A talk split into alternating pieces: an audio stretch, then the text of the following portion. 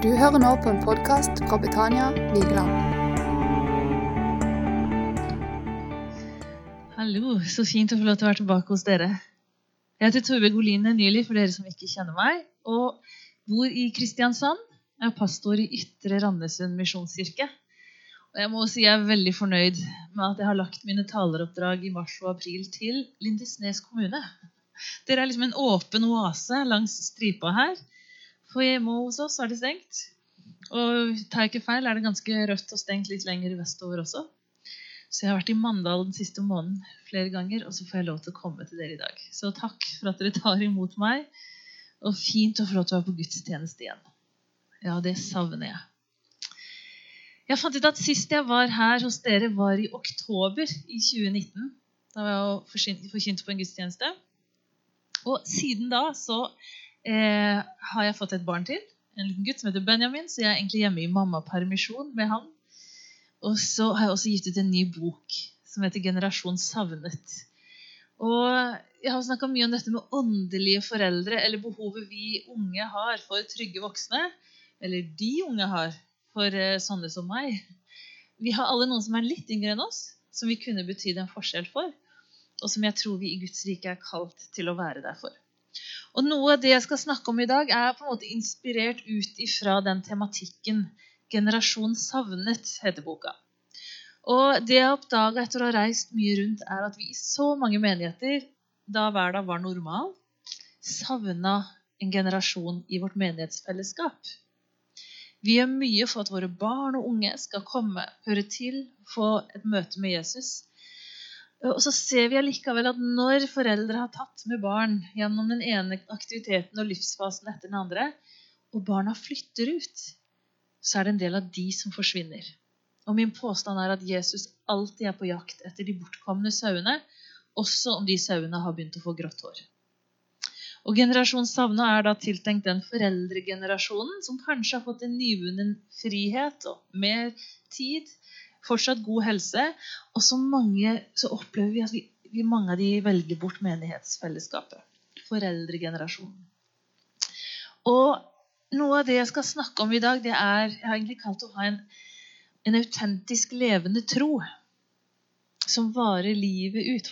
Fantastisk vers som jeg ikke har tenkt på på den måten. At Gud litt etter litt utfrir oss. Det er jo ikke sånn at når du er 18, så er du ferdig. Og bare du når 24, så er du moden nok. Og så når du er 30, så kan du seile inn i evighetens havn. Trygg på alt du har fått til da. Nei, litt etter litt. Så skal vi lære Jesus å kjenne. Og så tror jeg litt etter litt vi skal bli også befridd. Det fra oss sjøl, og av og til fra eksterne fiender. Mm. Så da skal vi gå til det som er uh, taleutkastet mitt. Jeg tror jeg er en annen uh, powerpoint som er oppe. Jeg kan jo ta den også, men den har jeg ikke notater på. Jeg vil snakke om det å ha en levende tro. Og dere får lov til å ha gudstjenester nå, men så mange som jeg kjenner som er engasjert i menighet, lurer på, er jo hvordan blir det når vi skal møtes igjen? Hvem er igjen? holdt jeg å si, Hvem kommer da? Og en ting er i menighetsfellesskap, men hva har skjedd med troslivet vårt i en tid hvor veldig mye har stansa opp, og hvor vi er blitt avskåret fra å ha fellesskap? Og så hører jeg at det er For noen så har det vært helt nydelig. Jeg treffer de som sier 'Å, det er jo så deilig å gå på Ble det litt lite lyd? Ja. Og de har faktisk nytt at søndagen er helt fri. Og så har jeg møtt andre som savner gudstjenestefellesskapet. Som savner smågruppa, som savner å be og lovsynge. Og i Johannes 7 så sier Jesus at den som tørster, skal komme til meg og drikke. Den som tror på meg, fra hans indre skal det, som Skriften sier, renne elver av levende vann. Dette sa han om ånden de som trodde på ham, skulle få. Jeg vet ikke med deg. Men jeg kan ikke si at jeg hver dag kjenner at det strømmer sånn friskt, levende vann fra mitt indre. Det står at den ånden vi har fått, skal gi oss det. Og det er et løfte. Og samtidig så har kanskje både du og jeg kjent at troen vår går i sesonger. I forskjellige faser. Den kan være en tro som er brennende og sterk. Og så kan vi også kjenne at i perioder hvor livet krever mye av oss, så lurer vi litt på om troen har stagnert, stoppa opp. Hvor er det blitt av Jesus? For det er Jesus det handler om. I Hebreerne 12,2 så står det at det er han som er troens opphavsmann og fullender. Jesus er den som gir oss tro, opphavsmannen til vår tro. Men så er det også han som fullender vår tro. Det er Jesus som er sentrum i min tro. Jesus er min herre, og han er min frelser. Og hvis du ikke kjenner Jesus, eller lurer på om du kan bli mer kjent med han, eller om du kan få gi livet ditt til han, så er du på rett sted. For det er det vi som menighet er kalt til å hjelpe mennesker til å bli kjent med Jesus. Det er bare troen på Jesus som gir frelse. Så jeg har kjent Jesus som både nær Åge Samuelsen sa, 'Å Jesus, du som fyller alt i alle'. Jeg har kjent at han har fylt meg opp. Og så har jeg også kjent at Jesus kan være fjern i noen sesonger. Troen på Jesus kan komme lett, men troen på Jesus kan også vakle. Og jeg tror at vi som kirke må snakke sant om begge deler. Om at det kan være sterkt og godt følelsesmessig å tro på Jesus, og Samtidig så må vi snakke sant om at vi av og til ikke har de følelsene. Og at vi faktisk kan oppleve Gud som mer fjern enn nær. For jeg tror at Jesus tåler at vi snakker sant om vårt trosliv. I Salme 51, 8 så står det Se, du vil ha sannhet i menneskets indre, så lær meg visdom i hjertets dyp. Han vil ha sannheten fra ditt indre. Han vil ha gørra. Han vil ha skammen. Han vil ha gleden. Han tåler din av og til litt barnslige egoisme. Og han elsker din utovervendte idealisme.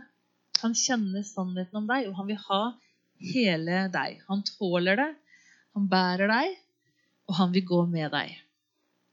Og Derfor så ble altså overskriften 'Hvordan vi kan bevare en autentisk og levende tro. Og Da kan vi se på hva begrepet autentisk betyr. Autentisk det betyr at det er noe som er helt ut ekte og pålitelig. Og det er i pakt med sitt innerste vesen. Altså, det er sant.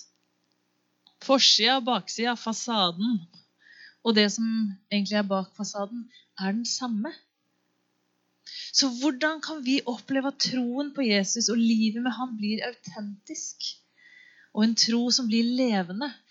Det tror jeg må være en tro som tåler å gå gjennom ulike faser. Mm. Vi snakker om barnetroen, som i noen tilfeller, i vårt land tror jeg i hvert fall, så snakker mennesker om en barnetro som de fortsatt har. Men en barnetro har ikke gått gjennom utviklinga til en ungdommelig tro, til en voksen tro, til en moden tro. Og jeg tror vi må tåle og tørre at troen vår skal gå gjennom ulike faser. Kanskje må den gå noen runder med seg sjøl. Kanskje må du tåle at livet, både krisene, siste kveld på leir med de sterke bekjennelsene, flytting, ulike relasjoner Alt det er med på å forme din tro. Jesus har ikke forandra seg gjennom noe av det du har opplevd. Men troen på han, synet på han, eller forholdet til han, den vil gå gjennom mange faser og forandringer. Og jeg er i hvert fall en sånn person som fra ganske ung alder av var full av store ord. Og av og til så misunner jeg meg sjøl i å være 17-18, hvor livet var svart-hvitt. Veldig enkelt, uten gråsoner. Og bekjennelsene var vel aldri så sterke. Jeg hadde liksom skjønt det. Vi hadde fanga noe. Vi, vi, var grepet av Jesus med en enorm begeistring i min vennegjeng. Og vi var fulle av idealisme og tro og både tankene om et kall og tjeneste og livet med han, de var ganske enkle, men også ganske store, de tankene. Og så fyller jeg og da mine jevnaldrende venner i denne gjengen 40 år i år. Så er vi voksne. Og så må mange se seg tilbake og si det blei ikke helt som vi hadde trodd. Og før jeg går videre, må jeg si vi må heie på den ungdommelige idealismen. Ikke hell vann i årene på de for tidlig. Hei fram. Og det er jeg glad for at vi blei. Vi ble heia fram til både store ord og bekjennelser og drømmer for fremtida. Men jeg vet at noen ser tilbake og er ganske skuffa over hvordan livet blei. Skuffa på seg selv, men også skuffa på Gud. Andre er kanskje litt sånn De ler litt av seg selv. Ser med litt forakt på hva man selv tenkte som ung. Tenk at jeg trodde på det, da. Hva var grunnlaget for min tro, egentlig? Men det var veldig autentisk akkurat i det bekjennelsen ble gitt, og i det erfaringa var gjort. Men livet har jo skjedd. Og jeg er så glad for at Jesus omga seg med helt vanlige mennesker. Som i løpet av en treårsperiode hadde en enorm vekstkurve. Og sannsynligvis var de tenåringsgutter da de begynte å følge Jesus. Men Peter er jo et nydelig eksempel på en som var stor i ord, og av og til ganske liten på jord. Men vi skal snart feire påske. Og tenk Peter, som går fra Om alle andre svikter deg, Herre, så svikter aldri jeg. Det var som han bare briska seg opp og sa, 'Du har meg. Du kan stole på meg.' Og så går det et døgn, og så banner han på at han ikke kjenner Jesus. Han holder seg nær han, men han er den som svikter på det groveste. Og jeg er sikker på at troen endrer seg etter noe sånn. Hvem er jeg nå? Klippen? Hva tenker Jesus om meg nå? Hvordan kan vi to gå videre herfra? Og heldigvis er Guds ord full av eksempler på helt vanlige, svake og sterke mennesker i en og samme person. Da. Vi er både svake og sterke, og bibelske eksempler gir oss tro på at Gud er full av nåde mot oss mennesker. Og Den teksten jeg har lyst til at vi skal gå til i formiddag, er i første kongebok 18 og handler om Elia, som er en av de store profetene i Gamle testamentet. Og Vi møter Elia da han er en ganske sagnomsust, en, en populær og kjent profet, men også en frykta mann, særlig av de som har makt. Og nå har han i en tørketid i landet tatt initiativ til en skikkelig fight. Han har invitert de som dyrker Baal, som var en av de lokale gudene. Og han har yppa til strid og har sagt Kom on, vi møtes på Karmel. Og så skal dere komme, 450 i tallet. Og så skal dere bygge et, en offerhaug, legge på en okse. Og så skal vi se hvor mye futt det er i deres gud. Og etter at dere har ofra til deres gud, og han har vist seg som hva enn han er, så skal vi, jeg og israelsfolket var den, de han egentlig oppfordra til et valg i etterkant. Så skal dere se er det Israels gud som er verdt å stole på, eller er det han der Baal? Og de var jo eh, trigga til fight, de her profetene for Baal. Så de kom, lagde et offerbål. Og alt de gjorde, for de fikk ikke lov med fyrstikker, alt de gjorde for at deres Gud skulle komme med ild. Det står at de hinka og hoppa og nedba. Baal, du må komme! Vis at du er Gud! Og Elia var ikke akkurat i det kristelige, ydmyke hjørnet den dagen, så han driver og fyrer de opp. Jeg tror dere må rope høyere. Jeg tror dere må hoppe litt mer sånn. Han var ordentlig stor i kjeften. Og så sa han ja, kanskje, kanskje Baal sover. Dere må vekke han. Kanskje han har falt i tanker. Kanskje han hører dårlig. Og uansett hvor mye de hopper og hyler, så skjer det jo ingenting. Og så er det Elias sin sjanse til å bevise at hans Gud, Israels Gud, er den levende Gud. Og så er det akkurat som Elia bare overdriver alt han gjør. Han lager en offerplass, men han lager også en stor grøft rundt det bålet. Og så dynker han offerplassen med så mye vann at det blir nesten som en vollgrav rundt. Målet er altså at det skal komme ild fra himmelen og sette ild på dette offer, offeret som er lagt fram, en, en okse. Og han dynker det med vann. Og så gjør han liksom så vanskelig som mulig for at Gud skal få vise sin storhet. Første kongebok 18, fra vers 36. Og da tida for grødofferet var kommet, så trådde profeten Elia frem og sa, Herre, Abrahams, Isaks og Israels Gud. La det i dag bli kjent at du er Gud i Israel, at jeg er din tjener, og at det er på ditt ord jeg har gjort alt dette. Svar meg, Herre, svar meg, så dette folket kan skjønne at du, Herre, er Gud, og at du vender deres hjerter til deg igjen. Og da for Herrens ild ned og fortærte både offeret og veden, steinene og jorda, og slikka opp vannet som var i grøfta. Og da folket så det, kasta de seg til jorda og sa, Herren, han er Gud. Herren, han er Gud. Og så kommer den litt mer bestialske delen av historien. Vi stopper ofte der. Det står videre at Elia faktisk dreper de 450 Baal-profetene. Altså, du kan si mye om Gud, men at han bruker mennesker som er fulle av feil og mangler, det er sikkert. Og at Gud kan virke gjennom kulturer som ikke ligner på vår her i Norge i 2021, det er enda mer sikkert.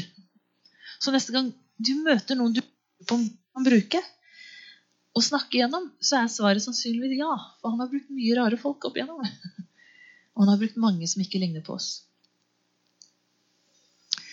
Etter dette har skjedd, så går jo ryktet om Elia og hans gud, om ilden som har kommet og fortært offeret. Og I neste kapittel allerede så står det at kongens kone Jesabel hun klikker når hun hører hva Elia har gjort. Og så lar hun det gå beskjed til Elia om at hun er ute etter han. Og hun kommer for å ta han og drepe han. Og da ser vi jo en helt annen Elia enn han som var stor i kjeften. og Han raljerte med de her Baal-profetene. Han går fra seiersmodus til selvmordsmodus. Og Elias sitt selvbilde som gikk fra å være liksom på toppen til 'jeg vil dø'. Det kan jo kanskje mange av oss kjenne igjen. Om ikke i den skalaen, så har vi kanskje kjent på at vi har gått fra å være på høydene til at vi ganske kjapt etterpå har vært ganske langt nede. Det står at Elias stikker av for å redde livet. Han går ut i ørkenen, og så setter han seg under en busk. Og så ber han om å få dø. Nå er det nok, Herre! Ta mitt liv, for jeg er ikke bedre enn fedrene mine. Jeg synes Det er nydelig at historien også forteller om den seiersrike Elia som går rett i kjelleren, og som faktisk ber om å få dø. Noen av oss er vant til at humøret kan svinge kraftig. Mens for andre så kan den nedturen komme som et sjokk. Skulle det ikke bare være roser og gode opplevelser og sterke bønnemøter? Skulle dette også være en del av mitt liv? Jeg er jo troende. Nå kan det komme som en overraskelse i dette våkne roen ikke kommer lett lenger. Noen som kan ha vært full av tro og tillit, kan begynne å kjenne på angst. Noen som har kjent at livet alltid har vært godt, kan plutselig synes at fremtiden er som et stort fjell som de ikke vet om de orker å forsere. Både livskriser og troskriser, motløshet eller konflikt kan gjøre at gårsdagens seier, gårsdagens livsmot, og glede renner ut døra. Jeg tror jo egentlig at Elia er mer representativ enn det vi av og til snakker om. Og jeg tror kanskje at historien om han er, med for å skape både gjenkjennelse og håp. For der Elia sitter under en busk og kanskje nynner litt på at livet er for kjipt, så sovner han til slutt. Og så står det at det kommer en engel. Og da han så seg om, står det, så fikk han øye på en brødleiv bakt på glødende steiner og en krukke med vann med hodet sitt. Han spiste og drakk og la seg igjen. Men Herrens engel kom en gang til, rørte ved han og sa, Stå opp og spis, ellers blir veien for lang for deg. Og så sto han opp og spiste og drakk, og styrka av maten gikk han i 40 dager og 40 netter, til han kom til Guds fjell, Horeb. Der gikk han inn til en hule, og så sov han der om natta. Jeg elsker at Gud ikke kom med pisken i ørkenen for å disiplinere en litt sånn deppa profet. Gud kom ikke med en engel som skulle slåss med han eller be han om å manne seg opp. Nei, han kom som en engel med hjemmebakt brød. Med vann. For en omsorg og for en kjærlighet. Og her ser vi kanskje noe av Guds mors hjerte. For Gud innehar jo alle kvaliteter. Gud kommer med omsorg og trøst. Og så gir han retning. Stå opp og spis. Og så gir han også hvor han skal gå. Og så ber Gud altså Elia gå til det hellige fjellet. Og der spør han Elia hvorfor er du her? Og så forklarer Elia og forsvarer seg at han blir jakta på, at han er den eneste igjen til å forsvare Guds ære. Og da sa Herren, gå ut og still deg opp på fjellet for Herrens ansikt, så vil Herren gå forbi. Og foran Herren kom en stor og sterk storm som klaude fjell og knuste klipper. Men Herren var ikke i stormen. Etter stormen så kom et jordskjelv. Men Herren var ikke i jordskjelvet. Og etter jordskjelvet en ild. Men Herren var ikke i ilden. Etter ilden lyden av skjør stillhet. Og da Elia hørte den, dro han kappen foran ansiktet, gikk ut og stilte seg i huleåpningen. Gud kom i stillheten. Vi sier ofte at det er bare én vei til Gud, og det er gjennom Jesus Kristus. Men dere, det er mange veier til Jesus. Og så tror jeg likevel at vi som menighet, i god vilje, allikevel kanskje har gjort den døra litt trang og stien litt for smal til å oppdage Jesus. Man må liksom like møter, helst lange møter. I vår tid så bør man være glad i lovsang. Eller kanskje like å tenne lys eller snakke om følelser i smågruppa. Og det må du også like, å gå i smågruppe. Og jeg karikerer, men for noen så er det som kjentes perfekt i noen livsfaser, det er blitt veldig fremmed og krevende i andre livsfaser. Når jeg snakker om generasjon savna, som et så sterkt ønske om at deres barn skal få lov til å komme her til Betania. De skal få alt det beste som de kanskje selv husker fra sin barndom. Så er man kanskje blitt så opptatt av hva barna skal få, at den dagen det bare er de, og det er søndag halv elleve, så kjenner jeg at ja, men, er det egentlig et sted hvor min tro for næring liker jeg egentlig? Å gå på møter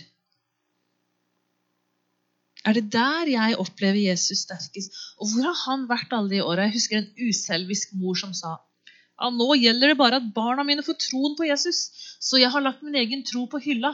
Det er ikke så mye møter, det er ikke så mye taler, det er ikke så mye bibellesning heller. Men nå gjør jeg alt for at barna mine skal få en tro. Men dere, vi kan ikke gi videre noe som ikke lever i oss. Men noen har kanskje kjent at alt har handla om barna, og så kommer man dit at ikke man vet om det er et fnugg av tro igjen i seg selv. Og så har man kanskje kjent at man har sittet i et fellesskap med altfor mye spørsmål og tvil, og kanskje også spørsmål til formen og hvordan vi gjør ting, uten at man tør å si de høyt. Og derfor ser vi kanskje at noen forsvinner fra våre fellesskap. Og da kan man si 'jeg har beholdt min barnetro'. Men, men hvis man skal leve resten av livet uten fellesskap, så tror jeg faktisk at troen er veldig sårbar. Og jeg tror at vi skulle snakka mye mer om alle de ulike måtene man kan møte Gud på. I tillegg til gudstjenestefellesskapet, som jeg tror vi er kalt til å være en del av. Og i eh, mine studier så husker jeg jeg fikk høre om noe som egentlig åpna litt for meg. Dette å tenke annerledes om hvordan vi alle møter Jesus. Og det heter eh, Sacred Pathways. På norsk så er det åndelige stier, har jeg kalt det. Og det her er egentlig ikke løsrevet det må jeg først og fremst si. Dette er ikke løsrevet fra Guds ord. For alle trenger vi Guds ord. Og så tror jeg vi er kalt til fellesskap. Og så står det at vi i evighet skal lovsynge og tilbe Jesus, og at denne livstida er en god øvelse på det. Så tilbedelsen og det å se til Jesus, uansett hvilken musikkstil eller sjanger du liker, det å lese Guds ord og det å være en del av fellesskapet, det er liksom grunnmuren. Men så kan det være andre ting du på en måte opplever at fører deg nærmere Gud. Og nå skal jeg gå ganske raskt gjennom, selv om dette er en veldig god undervisning. Nemlig at du kan møte Gud i naturen, gjennom sansene eller gjennom ritualer og symboler. Så er det de som møter Gud gjennom å leve et liv i enkelhet, og ofte i ensomhet og i bønn. Andre vil gå på i demonstrasjonstog og stå på barrikadene og trigges av å kjempe for en mer rettferdig verden. Og så er det de som hvis de bare får lov til å elske noen, så ser de Guds ansikt i ganske mange. Og hører du ikke hvordan det er meningen at vi skal være i ulike menighetsfellesskap som vektlegger ulike ting mer, for å fange opp at vi er forskjellige? Noen møter Gud gjennom mysteriet og i feiringen, mens andre vil møte han i det kontemplative og i kjærligheten. De siste som er nevnt, er de som får tårer i øya og glede i hjertet av en tjukk teologisk bok. Og får lov til å lese og møte Gud med intellektet. Og hvis vi hadde anerkjent enda mer at vi møter Gud og har våre opplevelser med ham på så ulikt vis, så tror jeg kanskje at våre menigheter også kunne bli enda mer sammensatt og eh, flerfarga. Fordi vi også hadde velsigna forskjellene oss imellom. Jeg tror at de fleste har opplevd at, Gud, at, troen på Gud har svingt. At den har vært både høyt og lavt. Og så jo eldre man blir, så har man funnet ut at men vet du, det jeg trenger når det bare tårner seg opp, det er å ta meg en tur og få frisk luft. Det jeg trenger for å få oppmuntring til å lese i Hans ord og bli kobla på sannhetene, det er en kaffe med ei god venninne og den gode samtalen hvor vi sammen kan lese. Andre kjenner at jeg må være i et fellesskap hvor jeg hører flere stemmer enn min egen bekjenne troen på Jesus. Det styrker min tro. Og jeg tror at om vi også kan snakke til våre barn og unge som enten har en sterk eller en ikke sterk tro, at de skal få lov til å være den de er i møte med Jesus. At han har skapt dem sånn som de er. At det kan være med å frigjøre en tro som holder gjennom sesongene. Og samtidig så tror jeg at en moden og en levende, autentisk tro den tåler mer enn det som er ens egen favorittsti. Jeg er overgitt til å leite etter å finne Jesus også på steder hvor jeg ikke trodde han var å finne. Jeg ønsker å oppleve Jesus og hans nærhet i både lovsangen, i tidebønnen og også i ulike kulturer. Og så har jeg lyst til å være en stemme som tør å snakke sant om at troen også forandrer seg og utvikler seg. At vi kan snakke om ikke bare i fortid om at livet kan være krevende, og at det gjør noe med troen, men at vi kan snakke sant om livet som det er nå. At vi kan gi hverandre mot og gaven i det å gjenkjenne hvor den andre er, og så si noe sannhet om at Jesus både tåler og elsker oss akkurat sånn som vi er. I Romerne 8.1 så står det så er det da ingen fordømmelse for den som er i Kristus Jesus. Ingen fordømmelse fra meg selv, ingen fordømmelse fra andre, men mest av alt Jesus fordømmer oss ikke. Og det skal vi snart få lov til å feire i påska. At dommen, den tok han. En av mine helter heter Edin Løvaas, og han har sagt mye klokt. Og han levde et helt liv med et ønske om å være Jesus-sentrert. At alt han gjorde, skulle handle om å bli mer kjent med Jesus. Og han sier det så fint. Jesus Hans fremste kjennetegn er at han elsker. Han elsker perfeksjonisten, løgneren, den ensomme, tvileren og den skuffa. Alle. Han elsker alle. Og han utfordrer alle så hardt at de kan tåle det. Jeg vet ikke hvor du blir utfordra for tida. Men vit at han utfordrer deg bare så hardt at du kan tåle det når det er fra han.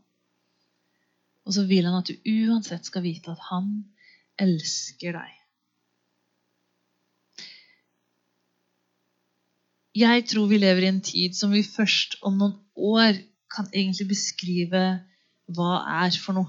Det kommer til å skrives bøker, det kommer til å gis ut forskningsrapporter på forskningsrapporter om koronatida. Jeg tror vi som kirke går inn i en mer misjonal fase. Hvor det ikke lenger er selvsagt at eh, folk kommer til gudstjeneste eller til barne- eller ungdomsarbeidet vårt. Jeg tror kanskje vi i større grad må ut og invitere inn. Og kanskje har vi sett at i fravær av gudstjenestelivet så er det relasjonene og det lille fellesskapet som er så viktig. Og kanskje må vi satse enda mer på den gode praten over hekken eller kaffen eller båtturen, hvor det bare er et par til stede, og så tenke at midt iblant oss nå er Jesus. Og så skal vi få lov til å leve et liv hvor han er en del av det, og vi kan få lov til å fortelle andre om han. Jeg håper at boka 'Generasjon savna' ikke er en profetisk bok på at det er en, en voksende generasjon, men at den skal være med og være sånn der, et rop og en, et ønske om å elske tilbake de som ble borte. De vi ikke ser lenger. Det nytter jo ikke at vi sitter her og sukker over de som ikke er her. Men vi må be Gud om å gi oss sitt hjerte fordi han savner. Og spørre hvilken del kan jeg ha i den leiteaksjonen, kanskje redningsaksjonen, for å elske mennesker tilbake til deg, Jesus. Vi ber sammen. Herre, takk for at du elsker oss sånn som vi er. Og Gud, du kjenner oss helt ned på dypet. Du kjenner vår historie. Du var der fra vi ble født av. Ja, det er du som har skapt oss og satt oss sammen sånn som vi er. Og du vet hva som har gitt glede, og du vet hvordan livet har skuffa. Du vet hva vi ofte tenker på. Og du vet både tvilen og spørsmåla og uroen. Og så har du vært der når vi er på høyden, og når bekjennelsene sitter løst, og troen er sterk. Og så møter du oss når vi kanskje sitter der og klager over livet og lurer på hvor du er blitt av. Og takk for at vi kan ta historien om Elia og holde det opp som en sannhet om hvem du er, Gud. At du både kan komme med ild når vi ber om det, og du viser deg som den sanne Gud. Og så kan du komme med omsorg når vi lurer på hvor du er blitt av. Så sier du, 'Se her, ta og spis'. Og så gir du retning når vi er desillusjonerte eller skuffa. Og her har jeg lyst til å be deg for dette fellesskapet og for de som kaller dette sitt hjem. Jeg har lyst til å be deg for den tida som Betania er i nå, men også for den tida som ligger foran. Herre, jeg ber om at det skal bli en, en tid for en sånn innsankning og for mange sånn leiteaksjoner. At ikke man skal gi seg på hvor er folk blitt av. Men at hver en skal få noen sånne ideer av deg om hvem de skal snakke med, hvem de skal få lov til å være med og elske tilbake til fellesskapet, Herre. Takk at vi som menighet vi er kalt til å ikke bare være for oss selv, men vi er kalt til å være et lys og et, en sånn fyrtårn som viser mennesket veien til deg, Jesus.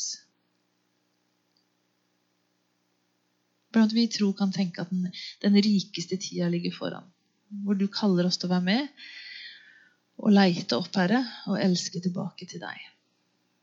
Og så ber jeg for oss som er her, at du skal møte oss der vi er. Der troa vår befinner seg nå.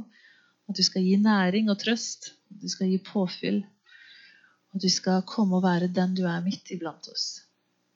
Følg med oss inn i uka, og velsign det som den enkelte skal gjøre, og det som preger våre liv, Jesus. Vi gir oss til deg igjen. Må ditt ansikt lyse over oss. Må vi få lov til å løfte blikket og se inn i ditt nådige blikk. La oss få tro at vi har en åpen himmel over oss, uavhengig av hvordan vi føler oss. Kom, Herre. Jesus. Amen.